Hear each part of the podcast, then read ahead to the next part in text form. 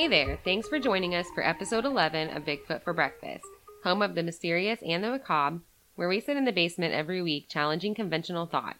We are your hosts, Sarah Jones. and Samantha Carter. In case you haven't already, go find us on iTunes or Google Play or whatever platform you listen to your podcasts on. Give us a rating, give us a review, and make sure to subscribe and tell all your friends. All your friends. All the friends.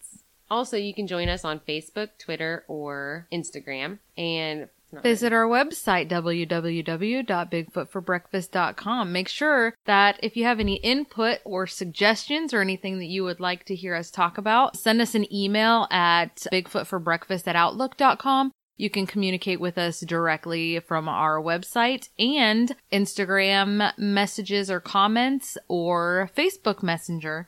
We are happy to hear from you and we love interacting with our followers so we can make sure that we're giving you the content that you want. Also, we're always looking for new story submissions, so if you have anything applicable to the mysterious nature of our show, anything paranormal related to missing persons, anything related to cryptids, Aliens, pretty much anything mysterious, unsolved mysteries. It doesn't even have to be necessarily paranormal related. you can submit these stories directly to our Facebook, or you can submit them directly to our website, or you can instant message us. There's also a phone number set up on our website. You can look at it under the Contact Us app or the Contact Us tab, and you can leave us a voicemail kind of stating what your story will be about, and you can leave your contact information and we'll contact you back. Also, if you just want to leave us a shout out, we would definitely add that on our episode Yep, that'd be awesome. and give you a shout out right back. we would shout you back.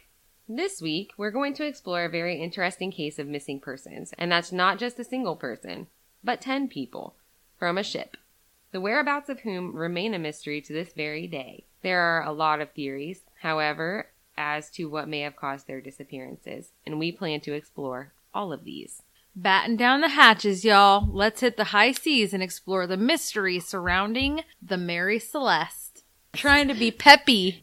Wish y'all could see like my hand gestures. I've got that whole like finger Donald Trump thing going on. Like a crab? It's huge.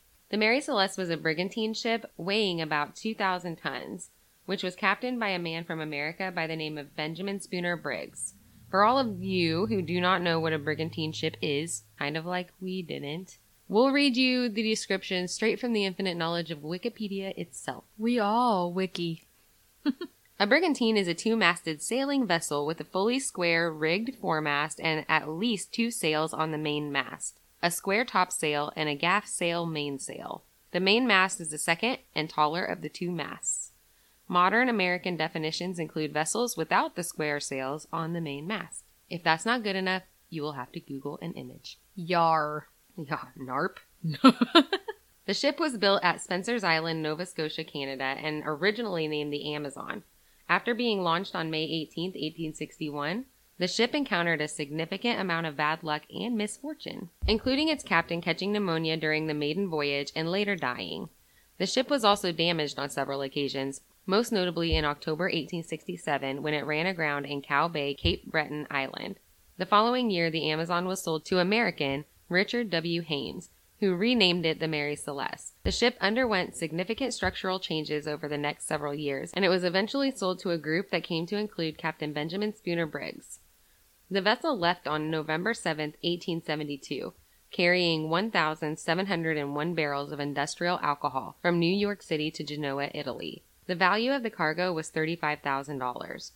The purpose of the alcohol was to fortify wine. The value of the freight on the alcohol was $3,400, and the ship herself was $14,000. Also aboard the ship was a six month supply of food and water, which was more than enough for the voyage, and 10 crew members and passengers. Captain, Captain, Captain. That's gotta stay. in I'm there. trying to combine my words. Yeah, boy. Captain Benjamin Briggs 35 years of age, who had previously captained the Seafoam and the Forest King.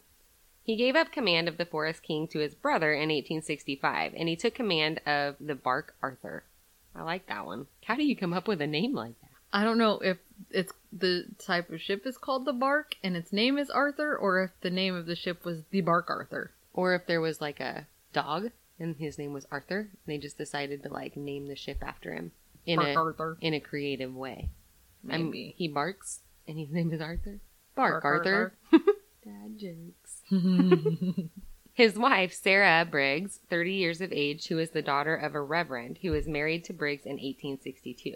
The Briggs' two year old daughter, Sophia, the Briggs did have a son, Arthur, mm-hmm. who was born in 1865, who was left behind with his grandmother so that he could go to school. He would have been seven years old at that time, so he's a lucky mofo. he is. The first mate, Albert G. Richardson, who was 28 years. Second mate, Andrew Gilling, 25 years. The ship's steward and cook, Edward Head, who was 23 years old. And four German seamen, Volkert Lorenzen, Arian Martins, Boy Lorenzen, and Gottlieb Gondeschall. It's kind of crazy to me how young these guys are. Yeah, Volkert was 29, Arian was 35, Boy Lorenzen was 23, and Gottlieb was 23. They were just, They were babies. they were youngins. So Captain Briggs' wife Sarah's cousin, Oliver Cobb, wrote The Rose Cottage, in which he included a letter that was written by Captain Briggs to his mother on November 3rd in 1872. I think it's relevant to include it as it kind of speaks to the mindset of the Briggs upon their departure from New York aboard the ship. The letter reads as follows. My dear mother, it's been a long time since I have written you a letter, and I should like to give you a real interesting one, but I hardly know what to say except that I am well and the rest of us ditto. It is such a long time since I composed other than business epistles. It seems Epistle. it's a funny word, sorry. oh my god. I've just epistled my pants. Get your mind out of nothing you can do about it. Get your mind out of the gutter. Name that movie. Kevin Costner, Give me a second. Tusaw. Oh, dances with wolves. It seems to me to have been a great while since I left home, but it is only over two weeks. But in that time, my mind has been filled with business cares, and I am again launched away into the busy whirl of business life from which I have so long been laid aside. For a few days, it was tedious, perplexing, and very tiresome, but now I have got fairly settled down to it, and it sets lightly and seems to run more smoothly, and my appetite keeps good, and I hope I shan't lose any flesh. It seems real homelike since Sarah and Sophia got here, and we enjoy our little quarters. So their ship, they modified the captain's quarters so that it was able to harbor his family to travel with him Oh. which made it a little more homey, which might be relevant later. We'll talk about it. On Thursday, we had a call from Willis and his wife, took Sophia and went with them on a ride up to Central Park. Sophia behaved splendid and seemed to enjoy the ride as much as any of us. It is the only time they have been away from the vessel. On account of the horse disease, the horse cars have not been running on this side of the city, so we have not been able to go and make any calls as we were so far away from anyone to go on foot, and to hire a private carriage would be at least ten dollars. A trip which we didn't feel able to pay, and we couldn't carry Sophia and walk a mile or two, which we should have had to do to get a ferry. It has been very confining for Sarah, but when we get back, I hope I can make up for it. We seem to have a very good mate and steward, and I hope I shall have a pleasant voyage. We both have missed Arthur, and I believe we should have sent for him if I could have thought of a place to stow him away. Sophia calls for him occasionally and wants to see him in the album, which, by the way, is a favorite book of hers. Lucky boy. She knows your picture in both albums and points and says Gamma Bis. She seems real smart, has gotten over her bad cold she had when she came, and has a first rate appetite for hash and bread and butter. Sounds like my kid. Hmm. Bread and butter. Bread and butter. Cheese and butter. I think the voyage will do her lots of good. We enjoy our melodeon and have some good sings. I was in hopes that Ollie might get in before I left, but I'm afraid not now. We finished loading last night and shall leave on Tuesday morning if we don't get off tomorrow night, the Lord willing. Our vessel is in beautiful trim and I hope we shall have fine passage. But I never have been in her before, and I can't say how she'll sail. Shall want to write to us in about 20 days to Genoa, care of American Consul, and about 20 days after to Messina, care of American Consul, who will forward it to us if we don't go there. I wrote to James to pay you and A's board and rent. If he forgets to call on home, also for any money that may be necessary for clothes. Please get Eben to see his skates are all right and the holes in his thick new boot heels. I hope he'll keep well, as I think if he does, he'll be some help as well as company for you. Love to Hannah. Sophie calls Aunt Hannah often. I wish I had pictures so she could remember the countenance as well as the name. Hoping to be with you in the spring with much love. I am yours affectionately, Benj. So this gives us some good insight into kind of Benjamin Briggs's personality. He seems like a really family oriented guy. He seems like he's a good father and a very involved member of his family as far as his mother and his daughter and his kids go. And it kind of gives his future plans so like you can't question whether he had any intentions of actually returning from the voyage so i think that kind of removes any negative speculation on his part as having a hand in the vessel going missing so anyway they set sail a couple days later Over the first few weeks of the voyage, the ship encountered some really harsh weather, according to the captain's log. The last entry in it was dated November 25th.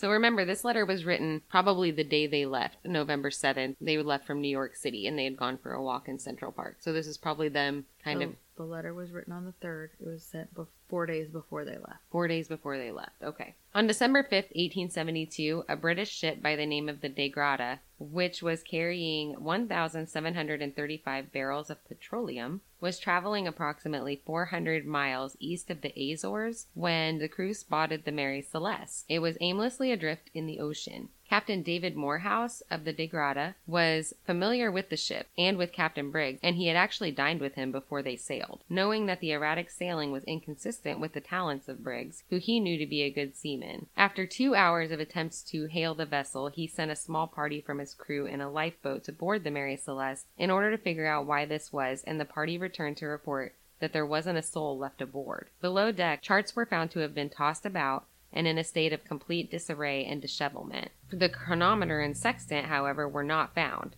The personal effects of the crew and the passengers were seemingly all in place in their quarters, including their boots and their pipes. The only lifeboat was not with the ship. They also noted that one of the two pumps in the hull had been disassembled, but the other was in working order in spite of the fact that there was more than three feet of water in the hold, an amount that would not have caused panic. The cargo remained for the most part intact. After the crew of the Dei Gratia discovered the Mary Celeste, they assembled a small party to sail her near 800 miles to Gibraltar. There, they turned the ship in for a salvage claim that would have been covered by the insurers of the Mary Celeste. A salvage hearing convened to determine the payment, but the eternal the eternal general Why is that funny? the Attorney General, Frederick Solly Flood, was suspicious and postponed payment significantly by launching a three month investigation into this matter to figure out whether they had obtained the ship fairly. The investigation determined that there was no evidence of foul play and awarded the crew of the Dei Gratia one sixth of the forty six thousand insurance value. So let's kind of let's kind of go back and break this down a little bit as far as what's going on. The Dei Gratia came upon a ship east of the Azores, and it turned out to be the Mary Celeste. Like we said, the captain he had dined with Briggs before they left, so he kind of knew him a little bit and knew he kind of knew his personality, he kind of knew his skills. So he knew this was weird, the way that the ship was erratically sailing around. And they knew that their courses, while they were significantly behind, he knew that their direction of travel, their paths were parallel to each other. Although he knew that the Mary Celeste should have already reached their destination by the time that they had got there. Yeah, it should have been ahead of them. So coming Yeah. across them would have been odd Yes. to him too. So it sounds like they sent a sent a small amount of the crew over to the Mary Celeste to kind of search it out, and they found most of their belongings all in their quarters. So I mean, they wouldn't have just left all of that Yeah. stuff there if they planned to leave. The only thing missing were some of the navigational tools Yeah, so a couple of navigational tools, which is applicable later, and a dinghy. and a dinghy. Well, we haven't got there yet. Yeah, we did. We said the only the only lifeboat was missing. Okay. The dinghy was missing. All right. So at this point, they took the Mary Celeste back to Gibraltar, and They turned it in that it was a missing ship, nobody was aboard, and they didn't know what happened. So obviously, this is abandoned. Turned in the ship for a salvage claim. So the insurers weren't really keen on covering this because it looked suspicious. They weren't sure if the crew of the Dei Gratia just murdered the crew of the Mary Celeste and stole their ship and brought it back for money or what. So the attorney general is kind of looking into this and he only awarded them a small amount of the insurance money because they never really proved one way or the other. So that's where we're at. So obviously this is pretty odd and disheartening and many rumors and theories begin to circulate pretty immediately as the people on the mainland heard the story of the Mary Celeste. Arthur Conan Doyle, known for writing the Sherlock Holmes fiction novels, actually wrote a short story about the Mary Celeste that was published anonymously in the popular Cornhill magazine in January of 1884. The story was called J. Habakkuk Jephson's Statement. He took some of the facts about the mysterious circumstances of the ship and developed a sensationalized fictional account in which the Mary Celeste was captured by a vengeful slave named Septimius Goring, who wanted to kill as many white people as he could because of their cruelty, and then return to Africa to become their king. That's some aspiration right there. Right? I will be king. um, the story is written from the viewpoint of J. Habakkuk Jephson, who was the only person spared and brought inland to Africa by Septimius Goring. After they made it to Africa, he sent the ship back into the ocean to float aimlessly without a crew. He even changed the name of the ship to the Marie. Although it's fairly obvious that this is a fictional play on a real situation, many people took it for the truth. Even journalists reported the story as the truth, and this version quickly outcirculated the real account of the Mary Celeste and took on a life of its own.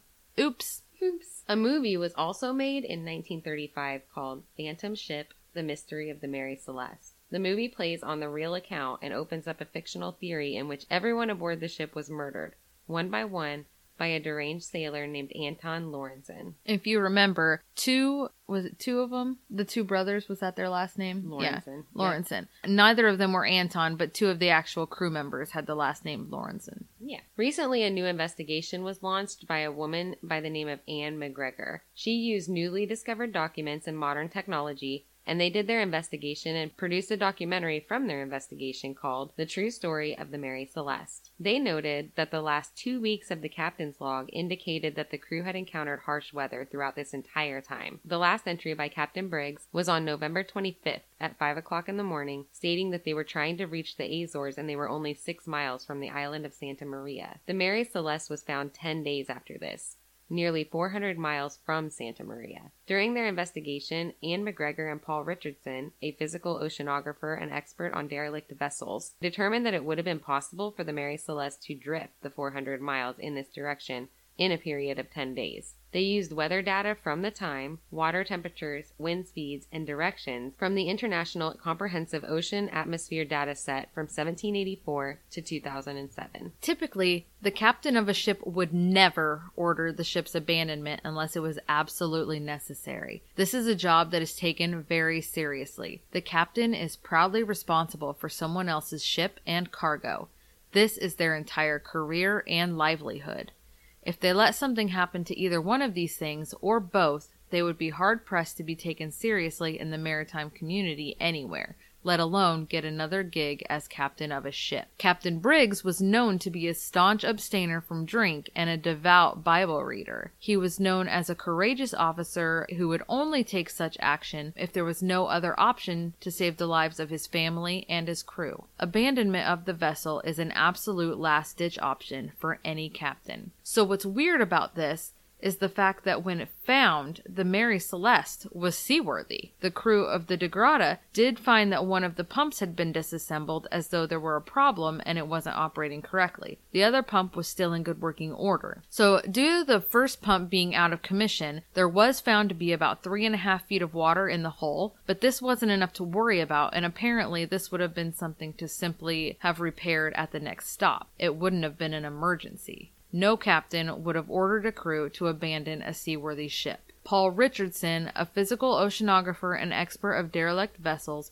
who was hired by Anne McGregor to assist in her investigation, states that it wasn't flooded. There was no heavy damage to speak of, and the crew of the Dei Gratia sailed her another 800 miles to Gibraltar without incident. so there would have been no apparent reason for this. Not to mention that there was six months of clean drinking water and, fo- and food for all of the people aboard. Another strange fact about the case of the Mary Celeste is that on top of the lifeboat being missing, there was a long rope that had been tied to the deck of the ship and it was dangling over the side and dragging along in the water. It's suspected that this was used to tie the lifeboat to the ship, which was unusual because obviously if you're on a ship and you decide to board the lifeboat, it would usually be because there's something detrimental going on with the ship that would make it necessary to leave it in the ocean and use the lifeboat to try to get to land. The fact that they tied the rope to the lifeboat, keeping them connected to the ship, makes it seem as though they were only trying to leave the ship temporarily. Why would they feel the need to board the lifeboat if they weren't trying to leave the ship? What was going on with the Mary Celeste that caused them to take this chance? Captain Briggs was painted by records and descendants as a smart, respected, rational sailor who was extremely experienced and highly sought after. Since they were within six miles of Santa Maria, so they thought, it would be possible that Briggs would choose this place to abandon ship if he should have to. But the fact that the ship was still seaworthy remains. So why? Why would they take a lifeboat instead of simply sailing inland to port? On to more theories. Like we talked about earlier when the crew of the Dei Gratia showed up with the Mary Celeste and tried to claim the insurance money for recovery, the insurers of the Mary Celeste were suspicious that the Dei Gratia crew had pirated the ship and disposed of the crew in order to collect. It was Attorney General Solly Flood who headed up the investigation. In his notes, he claimed that there was nothing unusual in the captain's log until the last five days worth of entries. He transcribed the log for these five days, and this is all that was left of the log for McGregor and Richardson to study when their more recent investigation began. They used these notes, along with their weather and water data, to determine the logged course and position data for the ship in the last days before the crew went missing. They concluded that the Mary Celeste was actually 120 miles west of where Briggs thought they were, and that Captain Briggs should have sighted land as early as three days prior to when he logged that he did. Their answer for this states that it was likely due to something as simple as an inaccurate chronometer. Just to clarify, a chronometer is an instrument that is used to measure time and is designed for marine navigation to keep accurate time despite motion, variations in temperature, humidity, and air pressure. It's also used for astronomical observation to determine longitude. As we said previously, the instrument was not found on the ship, so the theory could not be tested. They also determined from the captain's log that one day prior to actually reaching the Azores, from the captain's log, that one day prior to actually reaching the Azores, for whatever reason, Briggs suddenly changed the direction of the ship and actually headed north of Santa Maria Island. The entry before the last also states that a severe storm was present with terribly high winds. All of these things are reasonable to determine why the Mary Celeste went off course. But it still doesn't explain why Captain Briggs would order abandonment of a seaworthy ship full of cargo that he is responsible for. All of their belongings and a six month supply of food and water just to put themselves at more risk by getting into a lifeboat. So here is McGregor's theory for this. They found that the Mary Celeste had actually carried coal on the previous voyage.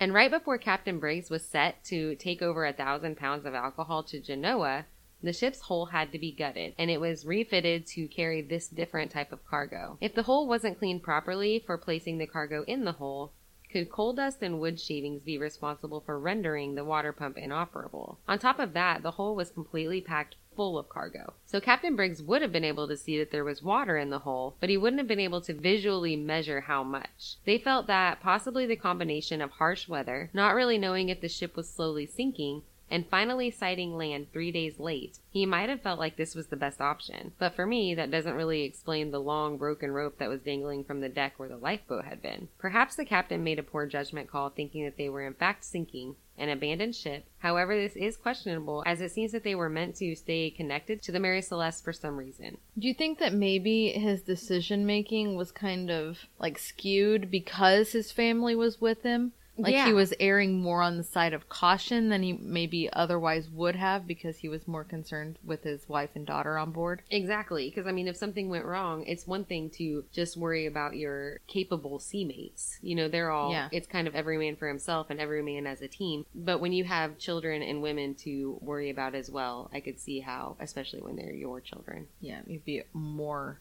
cautious and more apt to make a, an irrational decision based on emotion. Or even not irrational, but just different than you normally would, right? Yeah. So another theory that's circulated besides the UFO abduction theory, and yes, there is one of those, is that of mutiny by Briggs' crew. As we mentioned earlier, there were two brothers working aboard the Mary Celeste, and they were the only people whose belongings were not all present in their quarters upon discovery. They were German seamen named Volkert and Boy Lorenzen. When family members of the Lorenzen brothers were questioned, Authorities were told that the brothers would not have done this and that they had lost much of their equipment and gear in a shipwreck just before going to work on the Mary Celeste. One of the most popular conclusions that I have read seems to be that of a possible or impending explosion. Upon delivery of the alcohol cargo to Genoa, nine barrels were found to be empty. It's speculated that between the leaking barrels and the fumes of the highly flammable and even explosive liquid, the captain may have ordered the crew and his family to board the lifeboat, attaching it via a rope to the Mary Celeste to trail behind the ship for a period of time, until the risk of explosion had dissipated. Unfortunately, the wind and weather may still have not been ideal when this happened and the rope broke, leaving the captain and his family and the crew to face the Atlantic Ocean in nothing but a lifeboat with no supplies. And in a storm, no less. To expand on that theory, I want to discuss an experiment conducted by a science in 2006, which was tested and claims to prove that the explosion theory may be the most legitimate. Dr. Andrea Sella built a replica of the hold of the Mary Celeste and using butane gas simulated an explosion like the theoretical one caused by alcohol leaking from the ship's cargo. He used cubes of paper instead of wooden barrels. Igniting the gas caused a huge blast which sent a fireball in an upward direction. Now, one would assume that the paper cubes would be burned, discolored, charred, or damaged. However, this was not the case. According to Dr. Sella, what was created was a pressure wave type of explosion. The visual was a large wave of flame, but the air remained cool, resulting in no soot, burning, or scorching. Based on the knowledge of the condition of the ship, the explosion would have been enough to blow open the hatches and would most definitely have terrified everyone on board. However, I do question these results as the fuel and the materials used were, you know, completely different than what was actually on board the ship, not to mention atmospheric conditions and whatnot. The next theory is one that I find most reasonable. I agree for once that the alien abduction theory seems less likely in this case, and I only say this because of the lifeboat. I think we can both agree on that. So, the other theory that I found had been suggested is that an alcohol leak had released fumes that could have altered the captain and crew's judgment, or even caused hallucinations. It is again a possibility that the fumes could have caused a temporary evacuation which was made permanent by the storm, which the lifeboat wouldn't have been able to weather. Even after the Mary Celeste was returned home to New York to continue working, she was forever branded a bad luck vessel. She spent the rest of 1873 docked with no work and was sold at a loss to a partnership. I almost feel sorry for her. Her notorious past and reputation prevented her from ever making a profit again. In 1879, her captain fell ill and he passed away while on board. In 1880, she was sold to a firm in Boston and took on no major voyages for the next four years. Her port of registry changed many times, and she had two changes of commanding officer in the matter of a few years. Finally, in 1884, commanding officer Gilman Parker took command. He filled the hull with worthless cargo and set sail. He ran her aground on a coral reef outside of, outside of the port of Haiti, and the crew abandoned ship. He and his crew claimed a total of $30,000, which is the equivalent of $800,000 today. An investigation was launched, and Parker and his crew were charged with fraud and arrested. Parker was actually charged with both barratry and fraud. Barratry is a charge of fraud by a ship's captain. He died three months later in jail. She gets her karma. Yeah. So this only damaged her reputation further, and she was left abandoned one last time at the bottom of the ocean, her timbers now wrapped and overgrown by coral, and she remains there to this day. So, what about other cases that are similar? Eerily enough, there are plenty of cases of missing crew and abandoned ships. In 1947, two American ships, while passing through the Strait of Malacca, went off to a rescue mission after receiving a distress call from the Ourang Medan. The crew member who made the distress call conveyed a message reporting the death of everyone else on board, stating that the captain and the crew were lying dead on the bridge in the chart room. His call for help strangely ended with a message in Morse code, which was mostly indecipherable aside from the words, I die. The rescuers, the crew of the Silver Star, found the ship itself completely undamaged, but could get no response when trying to hail the crew. Strange considering it had only been a couple hours since they had received the call for aid. However, that was because the entire crew, including the dog, were found dead with horrified looks on their cold, dead faces. The rescue ship towed the ship to a nearby coast for examination, but before any further investigation could be made, the abandoned ship mysteriously caught fire and exploded, breaking free from the tow ship and sinking to the bottom of the ocean. It is likely that the fire could have been caused by nitroglycerin, which the ship was carrying illegally. Unfortunately, it took any possible answers with it to the seabed. It was questioned whether the crew had encountered pirates, and other rumors surrounding the mystery involved paranormal activities and, of course, alien invasion. Another cool as heck ghost ship story is that of the Octavius. Heckin' cool! Heckin' cool. So, in October of 1775, a whaler called the Herald came across a drifting ship near Greenland. Five members of the whaling vessel boarded the ship, finding 28 members of the crew below deck, frozen, nearly perfectly preserved. Meow. The coolest and creepiest aspect of this story, to me, is that the captain was still sitting at his desk, pen in hand, writing in his logbook. The entry he was writing was dated November 11, 1762, indicating that this ship had been drifting for 13 years. 13 years. 13 years. Most of the journal had been frozen and the pages had fallen out, but the last page, which was enough to determine the ship's location and at the time of the entry, there were two other bodies found in the captain's cabin. A young woman who was cuddling a boy wrapped in a blanket, trying to protect him from the cold. So the story goes the captain decided to make a hero move and risk traveling through the treacherous Northwest Passage, but he became trapped in the icy North Alaskan seas. Eventually, the crew did make it through the pass. Unfortunately, none of them were alive to know. The Octavius's last recorded position while the people were still alive was 75 north and 160 west, 250 miles north of Barrow, Alaska. So I wonder if they encountered a polar vortex, like on the day after tomorrow? It's so strange that the captain seemed to have frozen suddenly while writing, isn't it? Yeah. Like, kind of like what happened in the Midwest in January of 2019. Do you remember when it was a big deal in, I think, like Wisconsin because like airline gases and exposed water froze instantly and people died? It was a deal. I do not remember that. You don't? It was a deal.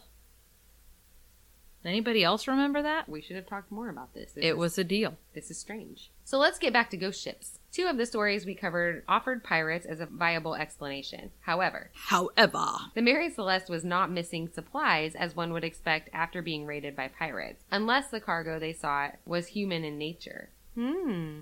uh-huh.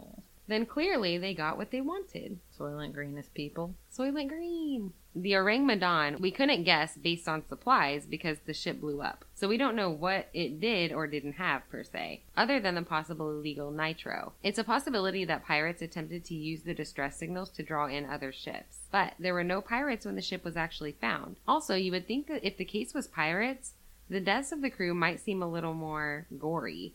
You know, stabbed or shot or whatnot, all in different positions trying to run or fight back. They were found all in the same area of the ship, lying face up, eyes toward the sun, with their mouths gaping open in terror. In my research of the tale, there was nothing said about the presence of blood or the method by which they were murdered, which would have been obvious, one would think, if man made weapons had been the instrument. Obviously, extraterrestrial and UFO theories span throughout the ages, so we can explore that a little. Say the Mary Celeste was overtaken by little green men, which caused the crew to escape to a lifeboat, or perhaps they were forced to the lifeboat for easier teleportation.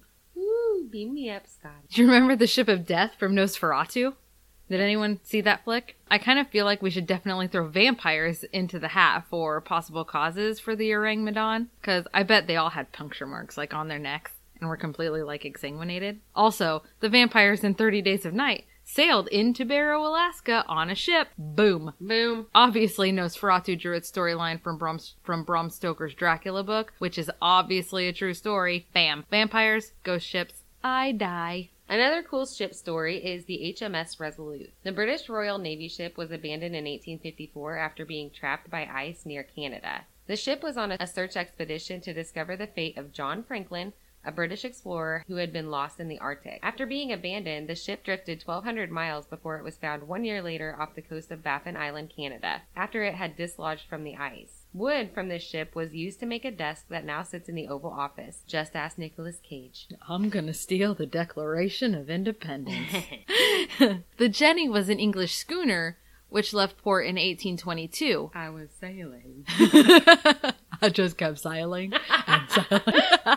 It was discovered by the whaling vessel the Hope 18 years later, frozen solid in the Drake Passage, the body of water between South America's Cape Horn and the South Shetland Islands of Antarctica. The dead bodies of the crew had been preserved by the cold climate and had been sailing about the ghost ship for the better part of two decades. The Joyita was a merchant vessel that left on October 3, 1955, bound for the Tokelau Islands. It was discovered five weeks later with all 25 passengers missing. The ship's radio was broken, but it was attempting to send out a distress signal. The life rafts were missing, as well as the captain's log, the navigational equipment, and the firearms that had been kept on the boat. An investigation determined the fate of the passengers and the crew to be inexplicable on the evidence submitted at the inquiry. Over the years, dark theories circulated. Of course they did. From Soviet submariners kidnapping the crew to Japanese fishermen killing everyone on board. As recently as 2002, family members were still researching what could have gone wrong, and one professor insists the most likely scenario is that a corroded pipe was leaking and flooded the boat, forcing the crew to abandon ship. But would that have broken the radio though? I feel like that's a total pirate move. I do too. Like, How are you gonna call for help now, bitch? and we're gonna cover it up by breaking this pipe and make it look like, Make it look like an accident? yep, Yeah. Yup. Ah, yep, that's what's Did happening. we just become pirates? did we just Yup. did we just become problem solvers? Right? We got this. Boom. Mystery solved. In April of 2007, two brothers and a skipper, what is it? A three day. a three hour tour. yeah. That's, Two brothers and a skipper set off on a two month yacht journey around Australia. how does one become a skipper? Hey, guess what? Three days later, Ooh. the Kaz 2 was found off the Great Barrier Reef with a half empty cuppy cuppy coffee. From With- now on, every time I get coffee, I'm gonna. I'm, I need a cuppy fresh pots, cuppy coffee coming right up.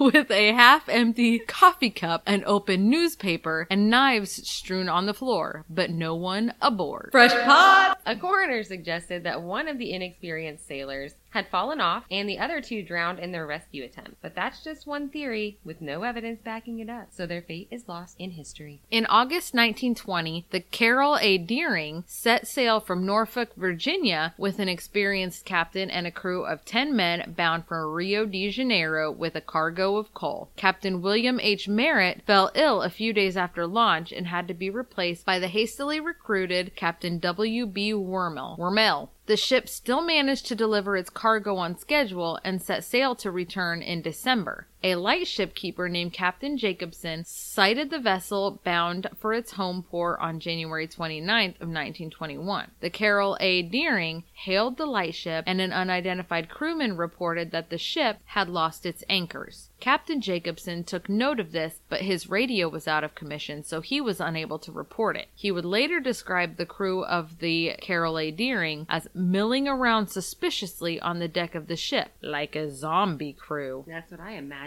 Captain Brady of the Cape Hatteras Coast Guard Station spied the schooner two days later. It was run aground and helpless on Diamond Shoals with its sails set, but its lifeboats were missing. Because of the conditions, rescuer boats were unable to reach the wreck until February 4th, when Brady's initial suspicion proved correct. The Carroll A. Deering was abandoned. The crew had vanished like ghosts. Gone with them were personal belongings, key navigational equipment, some papers, and the ship's anchors. Despite an exhaustive investigation by the FBI, no trace of the crew or the ship's log has ever been uncovered. It sounds as though the crew may have been unhappy with the new captain, W.B. Wormell, which may have led to a mutiny. Of course, this is purely speculation. While the FBI's investigation turned up leads ranging from possible Bolshevik sympathizing pirate to rum running gangsters, they pretty much all turned out to be dead ends. Some people have even suggested that the notorious Bermuda Triangle was to blame. The wreckage of the Carroll A. Deering was dynamited in March 1921 to prevent any probable hazard to other vessels. With it, whatever answers may have once existed were also destroyed. Why would it be a hazard to other vessels? Like if it broke loose and floated around, or, you know, Oh, they didn't just like keep it. no. We can really go all day discussing the countless number of ships that have been discovered afloat at sea, either abandoned by the crew or full of dead bodies. In many of these cases of abandoned ships, the crew probably would have been better off just to stay aboard, as they clearly didn't surface safely on the lifeboats. So, at what point is the decision made to abandon? On some of these ships, they had absolutely no evidence that they could have been assumed to be sinking, like the Mary Celeste, which goes against the last resort theory. I would have never guessed how many different mysteriously missing ship crews there really were out there in the world. Well, then you don't know anything. You don't think ghost ships would be that Yeah. prevalent? The ocean is a vast and dangerously treacherous place, True that. Right? I mean, you're like a needle in a haystack out there, even on a big ship. I'm surprised there's not more. A little fish in a big ocean. That's right, except it's like a boat, not a fish. That was episode 11 of Bigfoot for Breakfast. We hope you enjoyed it and come back next week. Don't forget to rate and review us on whichever podcast platform that you're listening from and also to subscribe. Follow us on Facebook, Twitter, and Instagram for notifications on upcoming episodes and contests and check out our website at www.bigfootforbreakfast.com. You can also follow us at Epstein Didn't Kill Himself. Until next week, bon voyage! Bon voyage! A three hour tour. Something suspicious just fell down my shirt. I'm really. what the f- That was your foot. I'm dying. You told me. It was probably a fly. Come at me, bro.